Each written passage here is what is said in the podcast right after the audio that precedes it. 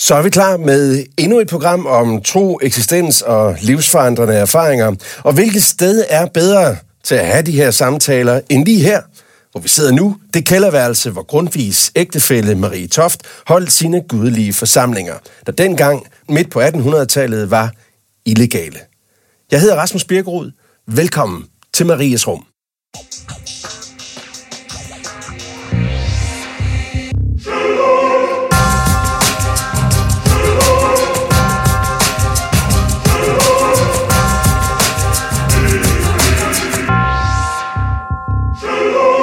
Og vi sidder i det her ganske lille kælderværelse under godset Rønnebæksholm ved Næstved. På Marie Toft tid kunne de være op til 50, men altså så har de øh, siddet rigtig tæt. Vi har øh, i, i dag prominent besøg. Vi har besøg af dig, Margrethe Augen. Velkommen til. Tak. Oprindelig præst, men... Præst resten af mit liv. Resten af dit liv, ja, Ja så må det jo Ja, være. ja. En, Ikke? men altså, jo også gennem de seneste 42 år politiker for SF, og de sidste 18 år som en del af EU-parlamentet med et solidt folkeligt mandat, må man sige. Jeg tjekker lige efter. Ja. Ja. Næsten 200.000 personlige Ja. stemmer ved sidste valg. sidste valg, ja. Vi har jo faktisk altid en præst øh, her fra egen omkring øh, Rønnebæksholm med i programmet, og det er i dag dig, Søren Fanø. Velkommen til. Tak for det. Sådan stadigvæk sådan lidt på ferie. Lidt på ferie stadigvæk. Fungerer, men, men, fungerer det stadigvæk sådan med tankes, øh, hjernecellerne og... Nej, jeg er, er fuldstændig ankommet og er, er med her. Godt. Øh, Du er sovnepræst jo normalt ved øh, Sankt Mortens Kirke i Næstved. Altså, dermed er vi to præster i, programmet i dag. Øhm, Så bare sådan en lille fagsnak, uden at det skal blive alt for nørdet, men med Grete Augen, du kalder dig selv en af de mest konservative præster, selvom du politisk er på venstrefløjen. Hvad mener du, når du kalder dig selv konservativ præst? Dermed mener jeg, at jeg er meget skeptisk over for mange af de der såkaldte fornyelser. Ikke? Fordi øh, det der med at lukke husaren ind, de kommer ikke alligevel. Og, øh, og øh, det er godt, at det er trygt. Altså, jeg synes, man skal være forsigtig med at lave om i ritualerne, og man skal tænke sig grundigt om, for de ritualer er stærke. Jeg har, er ikke vild med de moderne salmer, og det er ikke, fordi nogen af dem er bestemt brugbare. Men altså, når man har guld, så skal man ikke nøjes med nikkel. Øh, altså, nøjsomhed, de giver kun mening i pengesager. Og vi, vi står jo som den eneste kirke i næsten i verden, der har en autentisk, kunstnerisk og teologisk autentisk salmedækning mm. efter romantikken. Det er i stort set resten af verden, at kunst og kultur er gået fra hinanden omkring år 1700. Og det betyder, at der skal altså meget til, før, jeg, før man får lukket mig til at synge de der gudelige rimerier. Søren Fanø, hvad med, hvad med dig? Øh, nu, Margrethe Augen har det ikke så godt med de nye salmer, hører vi. Jo, men altså, Hvad til- men Nej, nu det har de sagde gode- du, Margrethe. Jamen, det er fordi, vi har det gode, så er det jo ærgerligt. Ja, hvad tænker du om det, Søren? Øhm, jamen, jeg har det på, på mange måder, ligesom du har det. Jeg er også konservativ, hvad højmessen, altså søndagsgudstjenesten, mm. angår. Og jeg er, ikke, øh, jeg har faktisk ikke ret meget erfaring med de nye salmer.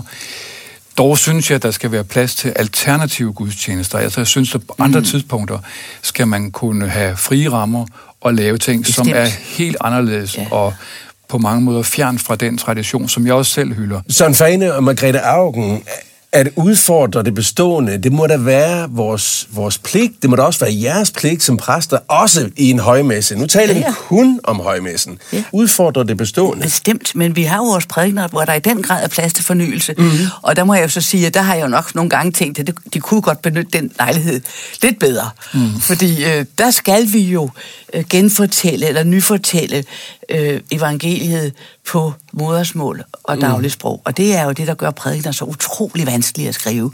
At man skal lave det der oversættelsesarbejde, og altid skal lave det. Og hvor jeg jo så synes, det også er meget vigtigt, det er jeg også en meget konservativ præst, at vi altid har øh, øh, evangeliet kir- kirkemad, eller hvad du siger, altså død opstandelse med. Vi ryger lige over et spørgsmål her, der handler, bare for at få jer med ind her fra start, omkring øh, sådan det eksistentielle. Jeg spørger jer, har vi et liv efter døden? Det håber jeg da meget. Jeg har besluttet mig for at tro på det, for det, hvis det nu er rigtigt, så vil det vel nok være ærgerligt ikke at have troet på Det var det kort svar for dig. Hvad siger du så? Ja, helt sikkert. Altså, jeg, tv- jeg, jeg tvivler faktisk sjældent Så på... det er ikke en tro, det er en det er en, Jo, en det er det jo, men det er jo, det er jo en stærk overbevisning i hvert fald. Mm-hmm. Så, øh, Hvordan er det liv? Hvordan det sådan fungerer. Ja, hvordan altså, tror du, det liv er? Oh, det, altså, det, jeg tror, at som jeg, altså, jeg plejer at sige til mig selv, der er sat en stol frem, det er jo det grundlæggende udtryk. Det er et underligt billede, ja. Øh, og, og hvordan stolen er betrukket, og, og om vi holder stolen for hinanden, når vi sætter os. Alt det der, det ved mm. jeg faktisk ikke. Øh, jeg glæder mig øh, altså på den, og jeg tror, det er en glædelig overraskelse. Ja. Og jeg ved, at ingen af mine begreber vil alligevel kunne beskrive det på nogen måde. Altså man siger, det er jo der, hvor vi slet ikke kan klare os, hvis vi ikke vi har stor kunst. Det går fuldstændig i stykker, hvis vi ikke vi har det poetiske sprog til vores rådighed. Og der er jo selvfølgelig det der, som sådan nogle typer, som jeg elsker jo, er så frydelige der til evig tid med venner i lys mm, Ja. Det ser herligt ud. Men der er det billede fra at sige verden ret farvel, hvor der står det der med, o lad mig i min sidste stund, det hører af din egen mund, som ånd og liv kan tale. Hvor godt der er i himmeri, og at du stol har sat til mig, i dine lyse sale. Det er det vidunderligste billede. Og det mm. åbner sig, og det åbner sig, og det åbner sig. I de lyse sale. I Men har, lyse har du, sale. Margrethe Augen, har du en bevidsthed, tror du, efter din død? Har du en bevidsthed, som er Margrethe Augen, også efter? Altså, det, det, det håber jeg, fordi det er... Ja. Den store fortælling skulle jeg også gerne begynde, men sig, der må jeg jo så sige, at øh, vi kommer altså meget lidt ud noget værre vrøvl. Hvis vi begynder at fordybe os lidt for meget i det, så er de poetiske billeder de Nå, bedste. men jeg ved ikke, vi vrøvl, altså det er et spørgsmål om tro. En hver, vi har vel alle sammen ret til at have vores forestillinger og vores tro, og jeg tænker mere sådan, er, er, bliver vi sådan... Fordi jeg selv går, jeg har gået den her sommer og tænkt utrolig meget på det, synes jeg. Altså, det her med, bliver vi opslugt af en eller anden øh, et, et alt, som er, er guddommeligt, men vi mister ligesom vores identitet, vores øh, egen bevidsthed. Øh, hvad, hvad du har det, ja, men nu sidder vi her i Grundtvigs rum. Mm-hmm. Han er jo, altså, vi skal derhen, hvor I kun, altså hvor kun det fattes, som øh, smertede her, ikke? For eksempel, ikke? Eller han siger der i, i et af digtene til, øh, det er jo Maria, er det ikke det der? Mm. Give Gud mig at betale dig med mere end strengeleg, med en sang i gyldne sale og så videre, ikke? Der, hvor sol er mere går ned, hvor kun skøn er kærlighed kærlighed. Ikke? Og hvad siger det dig? Det siger, at han har jo en øh, virkning om, og det kunne man godt sige, det kunne også ligge i selve begrebet kødets opstandelse. Ja. At den, hvad skal vi sige, at den, den menneske, man, det menneske, man er, på en eller anden måde i forklaret skikkelse, øh, kommer ind til der hvor tingene er klare. Altså det er jo det spændende ved udtrykket med dommedag for eksempel. Det er jo ikke bare en skrækkelig ting. Det er også der, hvor tingene bliver klare. Mm-hmm. Hvor alle de der ut, altså tvetydigheder og utrygheder, hvor man, som vi altid er i, og det går galt, hvis man ikke respekterer, at man er i utrygheden. Og så kommer, så bliver ting klart.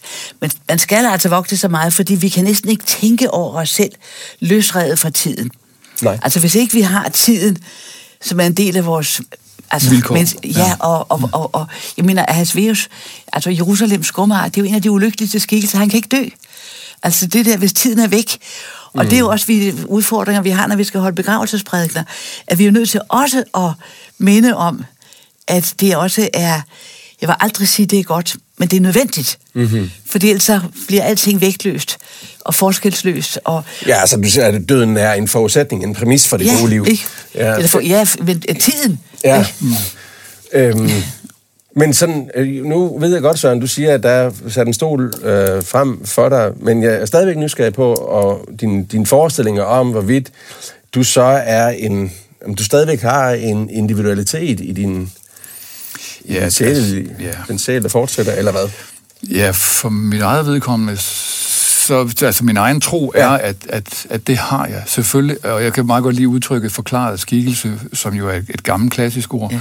Øhm, fordi jeg tror selvfølgelig ikke, at det er den menneskelighed, som jeg har nu, der ankommer fuldstændig i en til en i et, et andet sted, mm. men, men at jeg på en eller anden måde tager den fortælling med mig, som, som jeg har været med til at skabe her, og at jeg også på en eller anden måde møder andre med deres fortællinger.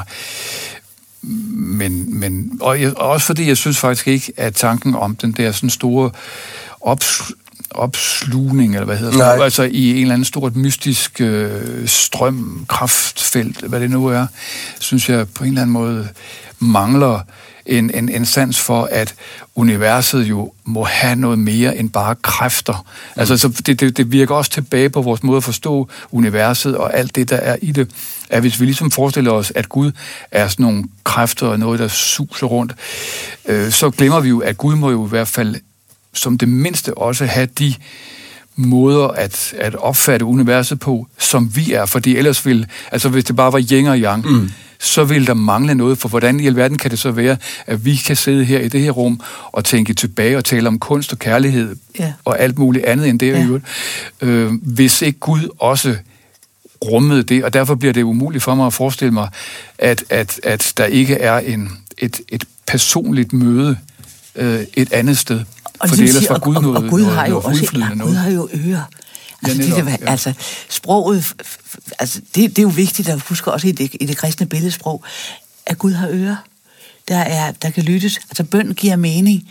Ikke? Og øh, det der bed, bed ud i den store tomhed. Jeg mener, hallo, ikke? Øh, det, øh, og, og, og, og, det, og det, jeg synes, det er sådan nogle ting... Giver bøn mening? Ja da. Hvordan? Øh, man har nogen at tale med om dem, og så indimellem, så det, altså taler ud i tavsheden, øh, tit når man har siddet sammen med, igen i sjælsorgen med, med mennesker, og så siger man, jeg kan ikke mærke, at Gud er der, nej, så altså, det kunne du heller ikke, da du blev døbt. Øh, men øh, du har lov til at tale ud i tavsheden, du har lov til også at, at få det, som ligger i, at man giver ja, sprog til, eller hvordan man nu vil sige det. Øh, og hvad det så, øh, hvad det så betyder, altså den korteste bøn, der findes, det er ordet hjælp. Ikke? altså hjælp. Og øh, det, det, det, det, det har man jo også brug for. Mm. Og ja, det er jo ikke altid, og det er slet ikke altid, det går sådan, som man ønsker. Og så på en eller anden måde kunne hvile i, at der er hænder, der griber mig. Øh, også selvom det går helt anderledes, end jeg havde ønsket. Margrethe Augen, du skrev sidste sommer bogen Det himmelske overskud. Ja. Og her fortæller du, blandt andet om, hvordan du oplevede, at din tro øh, kunne falme, ja. Da du blev øh, politiker, øh, i, i kontrast til, da du var præst.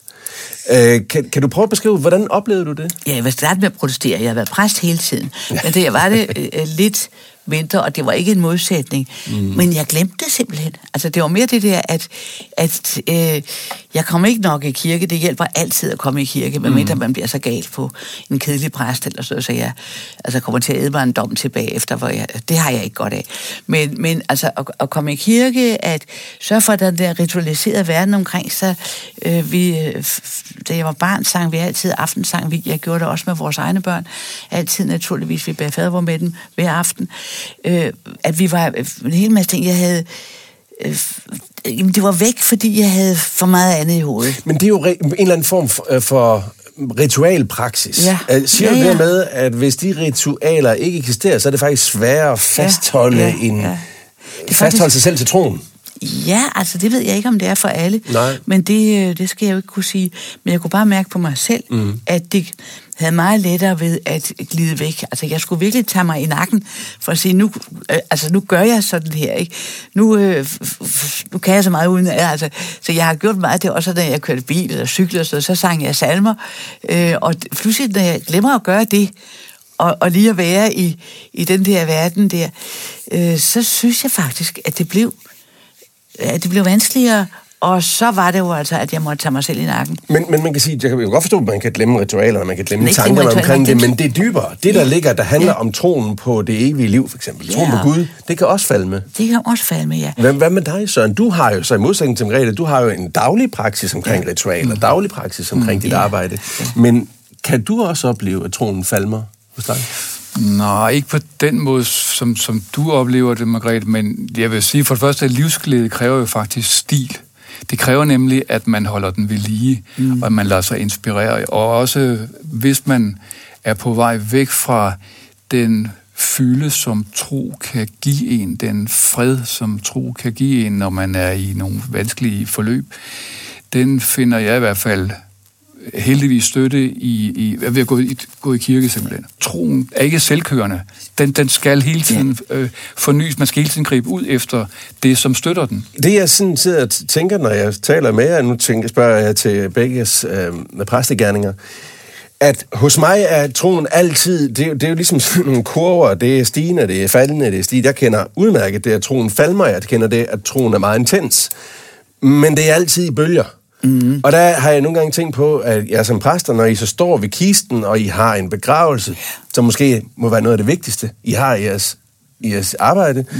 at hvis I står der, og I rammer, hvis I har det ligesom mig altså, står der ved bunden, hvor jeg tror faktisk er noget tom, er det sådan, I har det? Er det Nej, kan det godt være? Det, eller det er heldigvis, det er for selvoptaget. Det gider jeg slet ikke i den situation. Ikke? Altså, nej, ja. det, det, der, er jeg ikke, der, der, der er jeg der, hvor jeg skal være.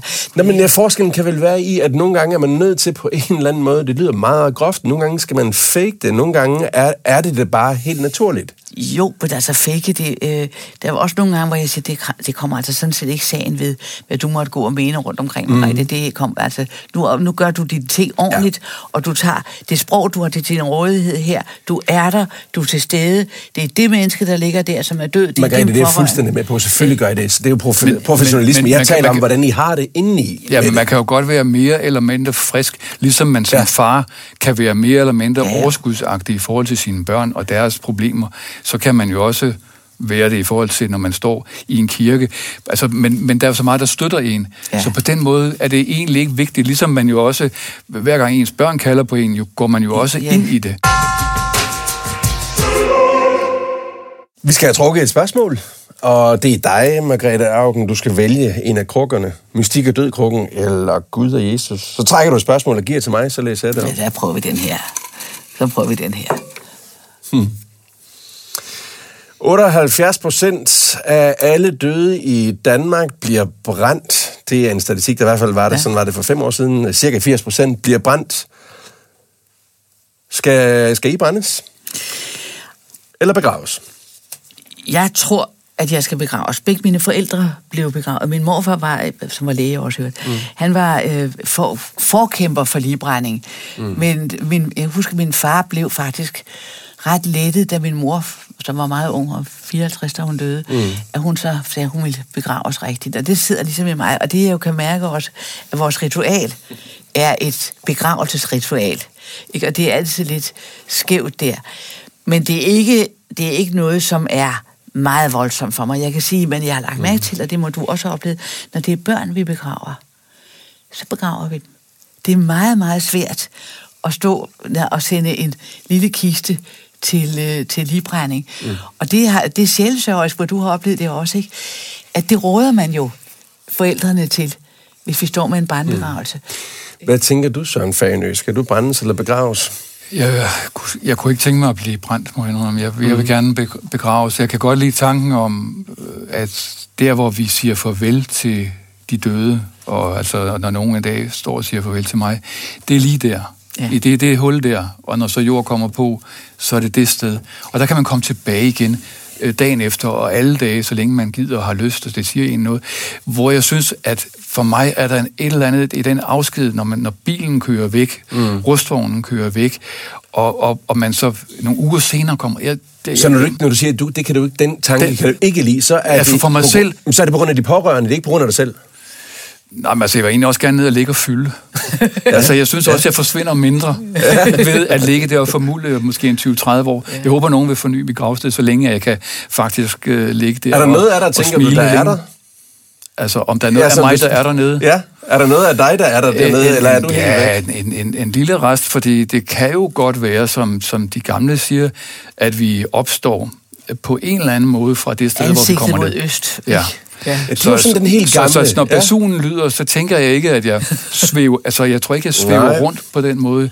Øhm, der, der tror jeg et eller andet sted, at jeg er lidt stedbunden. I opfylder jo sådan set uh, statistikken her, fordi uh, paradokset med det her spørgsmål er jo, at 80 procent af, af, af medlemmerne i Folkekirken, de vil gerne brændes, men det er 80 procent af præsterne, de vil gerne begraves. Og der er, jo sådan, sådan det er vores ritual. Det, ja. det, det, altså, vores ritual er er, er et begravelsesritual. Mm. Og derfor er det der at stå inde, det er i gamle dage, hvor jeg lige var blevet præst, og det der, hvor der gik nogle døre for, og sådan noget, ikke? Eller værre endnu, at det forsvandt ned i et hul der. Ja. Og det var jo smadret uhyggeligt. Altså, så er det jo der, hvor vi laver en jordpåkastelse og bærer ud og står derude sammen og ser kisten køre. Man skal ikke køre med jeg, på krematoriet. Jeg, jeg, det er jeg blev mærke faktisk, Margrethe, det lille ord, du sagde lige før, ja. der sagde du, jeg kunne godt tænke mig at blive begravet rigtigt. Ja. Som om, at det andet er forkert. Ja, ja, det er det da også. Brændt. Jo, det er det da også. Vi siger jo også, vi skælder med bisættelser og begravelser. Ja. Ikke? Altså, hvis der står begravelse sådan, det, sådan så i, i en dødsannonce, så regner folk med, at de skal på kirkegården. Mm-hmm. Ikke? Hvis der står bisættelse, så ved man godt, at jeg ved ikke, det er, om der er nogen formel vedtagelse om de to forskellige ord, men, men, men øh, du er aldrig i tvivl om, hvis der står bisættelse, så er det en, så er det en librænding. Og jeg tænker, der er også noget, der er også noget irrationelt i, i det her. Altså, jeg tror, jeg, jeg tror der er... Nu, nu, nu ved jeg ikke, hvor, ma- på, om jeg taler på ret mange vegne her, men dog Bare, nogen... bare fyr løs. Okay. Simpelthen for gamle Alfred Hitchcock-film, øh, hvor at øh, den døende, man fandt ud af, at den døende ikke var død alligevel, og så lå man der. Så godt. Der er sådan noget af det der, ej, jeg vil ikke ligge ned i et lukket rum under jorden. Øh, angsten, den der angst. Ja, ja. altså det menneskelige. Jeg tror simpelthen, at det er en af mange årsager til, at... Øh, Tænk, du opdager det, når der buller løs omkring dig. ja, fordi det har jeg også nogle gange tænkt, for jeg, jeg er helt med på det, du siger der, netop med levende begravelse, så ligge der banke i det, det lille rum. Ja. Øh, men, men, men netop også tanken, nu har vi jo som øh, to præster jo set øh, ovnen og set, hvordan det foregår. Og netop tanken om at vågne op der og tænke, huha, her er godt nok lunt her. altså, så jeg ved ikke rigtigt, om jeg... Altså, men jeg er med på, hvad det er, der, det, det er grundtanken i det. Jeg skal godt lige Ja. sige jo, altså, at øh, jeg har begravet begge mine brødre, og Svend, som mange af jer kender, han, øh, han ville brændes. Og der mm. har vi altså et stort, smukt gravsted til Svend, som, altså gravstedet øh, på, øh, ude på øh, Holmens Kirkegård, mm. men, øh, hvor min, min lillebror, som døde nogle år senere, øh, han har fået en rigtig grav. Jeg, jeg, jeg synes også, der er noget kærligt på en måde ved begravelsen, som ikke er helt ved at skubbe kisten ind i en bil. Altså det, at vi hejser vores døde ned. Og jeg kan huske den allerførste barnebegravelse, jeg havde. Jeg kunne været præst i 14 dage, og det var i London. Og jeg skulle bære den her lille kiste ned i graven. Der var også nogle trappetrin ned. Ja. Og den der, det der billede af at bære kisten ned, Ja. øh, har fulgt mig altid. Altid, når jeg har begravelser, at vi bærer den døde mm. ned til det sidste sted, mm-hmm. hvor jeg ikke synes på samme måde, altså for mig selv kan jeg kun sige, altså min far er begravet, og jeg håber også, at jeg kan overtale min mor til at blive begravet. Hun er lidt i tvivl.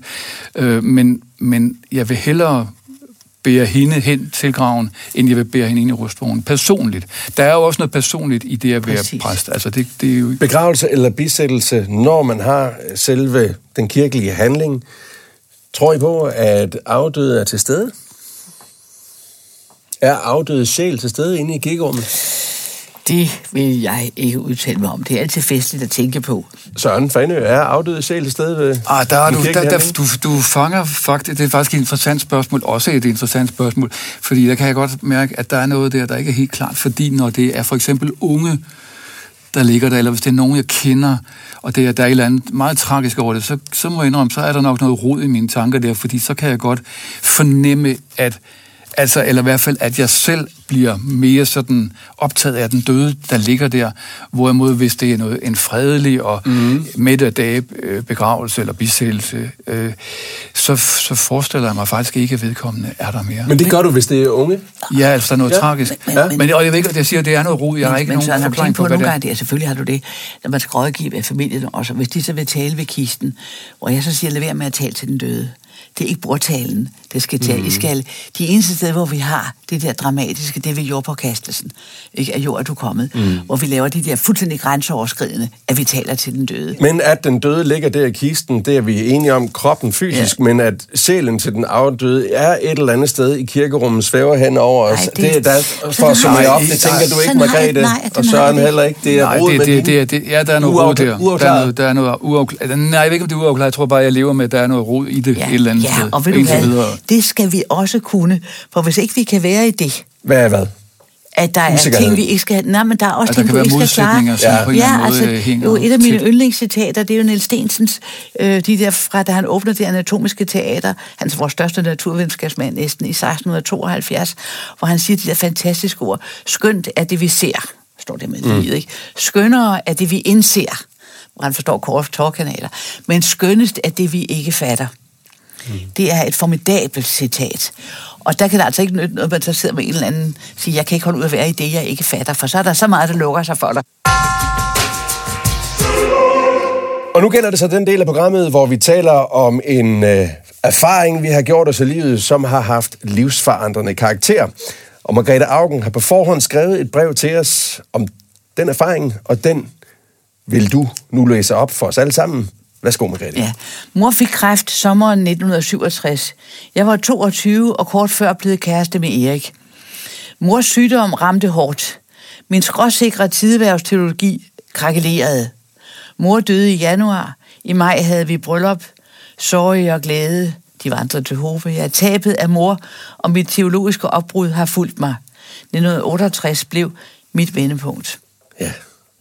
Mens hele verden var i gang med, med at, at buller derudad, Ja, så ja, og vi blev gift der. maj 68, og vidste, Ja. ja. vi vidste ikke engang, det var maj 68. Men jeg kunne godt tænke mig så at spørge, at vi taler om livsforandrende erfaringer. Det, det, det er klart, altså en, en, en mor, din mor, der dør som 54-årig, det, det, det er, det er jo det, der, der er du, og du er selv kun 22.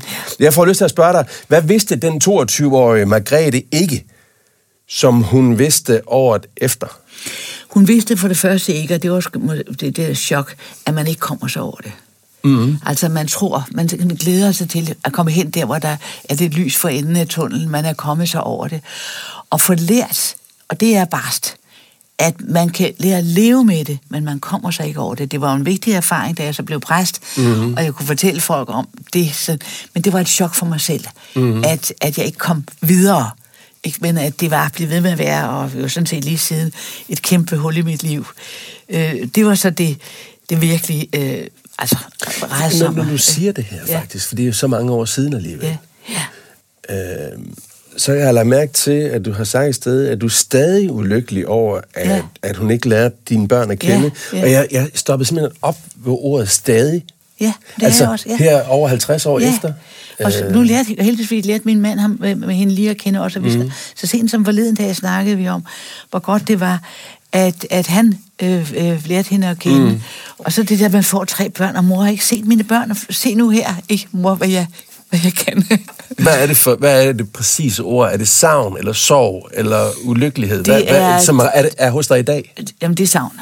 Ja. Det er savn. Det er, jeg mangler, altså, det er savn. Ja. Der er noget, der ikke er i orden. Det er selvfølgelig også, øh, ja, en, det er jo en sorg, fordi øh, man, men jeg ved det ikke, fordi man har jo lært at leve med det. Det er blevet en del af den, med det menneske, man er at man ikke har sådan det centrale menneske med sig videre. Jeg har det der stadigvæk sådan, at nu er jeg jo oppe i en alder, hvor de, de dør jo fra mig, altså. Mm. Og man render rundt til at begrave sine gode venner, det er ikke til at med at gøre. Og jeg mangler dem, og jeg, øh, altså, det, jeg kan ikke fordrage det. Nej. Men, men, øh, men det er en anden følelse, end det der, da jeg mistede mor øh, så tidligt. Og, øh, og nu er jeg ikke engang selv klar over, hvor ung hun faktisk var. Øh, fordi jeg jo selv var så ung, ikke? Øh, Altså, Søren, jeg tænker også det her med, i, i forhold til di- din erfaring fra dit, dit daglige arbejde, altså, Altså, man rykker jo gerne ud i forhold til sorgbearbejdelse, når, altså i, i dagene op til et dødsfald, måske ved sygdom, og, og så i, i ugerne efter til samtaler. Her taler vi altså om noget, der er mange, mange år efter. Er det noget, som... Blev du kaldt ud til det? Altså til samtaler om, om sådan den slags savn? Nej, ikke, ikke mange år efter. Altså, Nej. man kan jo bevare kontakten med nogle af de mennesker, som man har mødt, øh, når man har begravet eller bisat Mhm. mm-hmm. nogle af dem. Og, og jeg har også prøvet at, at blive ved med at faktisk at have kontakter, og har det stadigvæk, hvor jeg laver nogle ting sammen med de mennesker, og på den måde også levende gør, altså taler om den døde, som dengang øh, vedkommende var levende. For det er næsten det største behov, synes jeg, man har, det er at få lov til at få lov, altså få lov til at give Præcis, ja. billeder af det, som man husker, så det næsten er der igen. Altså, så, så de døde børn eller de døde ægtefæller... Det- øh, Hvad, hvad er det- det kendetegn på, øh, når, helt hvad, centralt, hvad, det, hvordan siger, er det, vi, vi, vi går fra, og at noget er sorg, altså den her, som jo også på en eller anden måde et eller andet sted kan være invaliderende. Ja. Altså fra sorg til savn, man kan leve med. Hvad, hvornår, hvornår, hvornår er vi Jeg lige ved i det. Hvornår? Det er, jo, det, er jo, det er jo et forløb. Ja, det er et forløb, og det er individuelt, men Og hvordan kan vi genkende, Men- at, hvor vi er? Jeg ved det ikke, altså, hvordan man klarer sig. Der har vi jo forskellige temperamenter og gemytter, og Søren er jo fuldstændig ret i, at noget af det lykkelige, det er, når man er sammen med nogen, som har kendt vedkommende, og man sidder og snakker om dem. Det, altså, og det er jo også et råd, man jo altid giver. Tal nu meget om den døde, ikke? Mm. Altså det der, jeg tror noget af det, der er slemt, det er, at vi ikke heller ikke har et ord for. Vi kan sige, at jeg ringer bare for at sige tillykke, men man ringer ikke, ringer ikke for at kondolere. Altså undskyld mig, ikke? Mm. Øh, og, øh, og, og der er simpelthen også af skræmtheden over, hvordan man kommer ind i den der, det mørke, man er i. Men jeg vil næsten bedst beskrive øh, sorgen som et mørke. Mm-hmm. Altså, hvor, det er, hvor der virkelig er mørkt, og de lyspunkter, man får, det er netop, når man får lov at tale om den døde, så hun er der på en eller anden måde alligevel. Men så er man det, hvis man så gør nogle fornuftige ting, sørger for, at ikke alt står sådan, så man hele tiden falder over, mm. man er mhm. blevet... Altså, man, ægtefælder bør nok gøre noget ved, at sengen ikke står der øh, på den måde, det at man ikke skal gå og snuble over, at man er halv.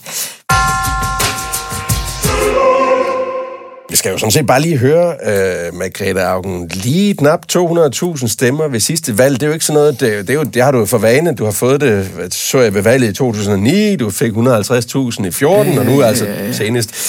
Uh, og, og, og, og du sidder og nikker, og du er sådan lidt forlegen ved at sige alle de her høje tal, kan jeg se. Men... Nej, jeg elsker det. Ja, okay. okay. ja, det er godt. Men altså, jeg kan jo se på din dåbsetest, at du er 77 år ja, gammel. Ja. Folket har du med dig. Øh, øh. Men var du er næsten på alder med kejser Augustus. Omtrent, altså, ja. hvor, længe, hvor længe bliver du ved? Ja, altså, jeg fik jo engang at vide af Lone Dybkær, ja. at der er tre ting, man aldrig må fortælle om. Det kommende devalueringer, det utroskab, og det, man ikke stiller op igen. Nå. og det var et godt råd. Ja. Øh, og øh, og, og øh, jeg vil så sige, at jeg, jeg er nødt til på et eller andet tidspunkt at gøre mig det klart. Jeg vil være 79 ved næste Europaparlamentsvalg. Ja. Og øh, det, jeg, altså jeg kan godt mærke selv, at jeg, er, jeg er træt, men jeg kan også mærke, så snart jeg så er i det. Ja. Øh, så, og jeg har, gode, jeg har gode medarbejdere, som er smadret dygtige til lige at briefe mig op, fordi min hukommelse er altså ikke, hvad den har været. Mm. Men når jeg så bliver briefet op og er på, så synes jeg, det er smadret sket. Altså det er jo sjovt at være der, hvor det foregår. Der, så er det jo det der, hvis man så har haft den erfaring med sig, som jo går tilbage også mm. mit teologiske opbrud, aldrig nogensinde at være færdig. Altså altid, det er jo også noget grundkristen, ikke? Mm. at det sidste ord er aldrig sagt. Der er altid noget at lytte efter. Der kan altid ske noget nyt. Og, øh, og, og, og så for, ligesom få de erfaringer ind, når man sidder over for unge menneskers misbrug. Men Margrethe, hvis du siger ja, fortsætter næste gang, så har det en periode, det er fem år, når man er i parlamentet, så er det fra 79 til du 84. Ja, det er det. Øh, kan du se dig selv i det? Ja og nej. Altså, jeg kan ikke se mig selv i det der rejseri. Det bliver jeg træt af. Ja. Og, øh, og jeg kan... Øh, har svært, men jeg har svært ved at se mig selv i ikke at være der, hvor det sner. Mm-hmm. Det må jeg så indrømme. Ja. Altså det der, det er lidt sket, at man er der, man har netværkene, man kan lige sådan og sådan, mm. man kan lige, vi skal lige have fat i den og den, vi har lige noget her, vi skal have klaret. Jeg skal lige, og nu sidder jeg jo altså i en gruppe, den grønne gruppe i Europaparlamentet, mm. hvor vi har altså tæt samarbejde med folk i det meste af Europa, og hvordan får vi lige rejst den der dagsorden, hvordan får vi det der igennem? Der nu behøver du ikke at sige, nu behøver du ikke at sige, om du fortsætter ikke gør, men jeg vil spørge dig, er du afklaret? Nej. Du er faktisk uafklaret? Jeg er uafklaret, ja. Okay. Tror jeg nok. okay. så, må du, så må du bare holde dig til Lone Dybkjærs råd. Ja, gode ja. råd, og det er i hvert fald et godt råd. Ikke? Fordi når man først har sagt, at man ikke stiller op ja. igen, så er man ude af indflydelse. Nu er jeg spændt på, du siger, at du er ikke afklaret, så er jeg faktisk lidt spændt på, hvad, hvad, hvad er det for nogle ting, der skal afklares i dig, før du er sikker? Altså, der, øh, nu har jeg gået her og haft sommerferie et par uger, vi får det først midt i juli, mm. men så kommer man jo pludselig der, og så kan man jo både opleve, at der sker ikke en bønne, og man får ikke lavet noget som helst meget andet end at læse aviser og, og, og få snakke lidt med folk og hygge sig. Og der tænker jeg, at det er det liv, du gider. Ikke? Ja. Men når jeg så er i gang, og skal rejse igen, og man rejser der hele tiden, og ja, øh, og det der, hvis, nu er togforbindelserne er jo sådan set blevet ringere, øh, end de har været, og, og man hænger deroppe i den der åndssvage flyvemaskine. Jeg ved det ikke endnu, Nej. men altså det... Øh, Interessant. Der er 200.000 vælgere, der gerne vil vide det. Ja, ja, ja, ja, ja. Og jeg kan så også... Øh, det er klart, og det er det, man tænker, hvis man så får et møgvalg næste gang. Ja. Det, den nedtur gider jeg da ikke kloge ind i, men altså, man vil jo gerne ind som Men det er jo også meget, godt, men meget godt, at du stadigvæk er uafklaret, for det betyder jo også, at så er du jo også helt altså klar til at arbejde, hver gang du går i gang med ja. det. Altså lige nu, helt... hvis du vidste med dig selv, at nu stopper jeg om to ja. år, så, så vil du muligvis også få, nu, få et andet forløb. Man kan jo gøre det, altså, hvis man stiller op igen, altså, så er det jo klogt at så træde tilbage, når man er midtvejs. Fordi så er der en ny, der kan nå at komme ind. Vi får se, Margrethe Augen, næste Europaparlamentsvalg, det er um, juni 2024. Så skal, ja, du have truffet så skal du have truffet en beslutning. Maj, juni, ja. ja, det, ja. Godt. Ja, Margrethe Augen, tak fordi du kom. Og tak fordi jeg måtte være med. Også tak til dig, Søren Fanø. Også tak fordi jeg måtte være med. Præst i uh, Sankt Mortens Kirke i Næstved. Denne podcast er produceret af Folkekirken i Næstved i samarbejde med Rønne Væksholm. Henrik Vindeby stod for lydkvaliteten, mens Søren Nyborg producerede vores jingles. Og om 14 dage vender vi tilbage med en ny gæst her i kælderen. Mit navn er Rasmus Birkerud. Tak for nu.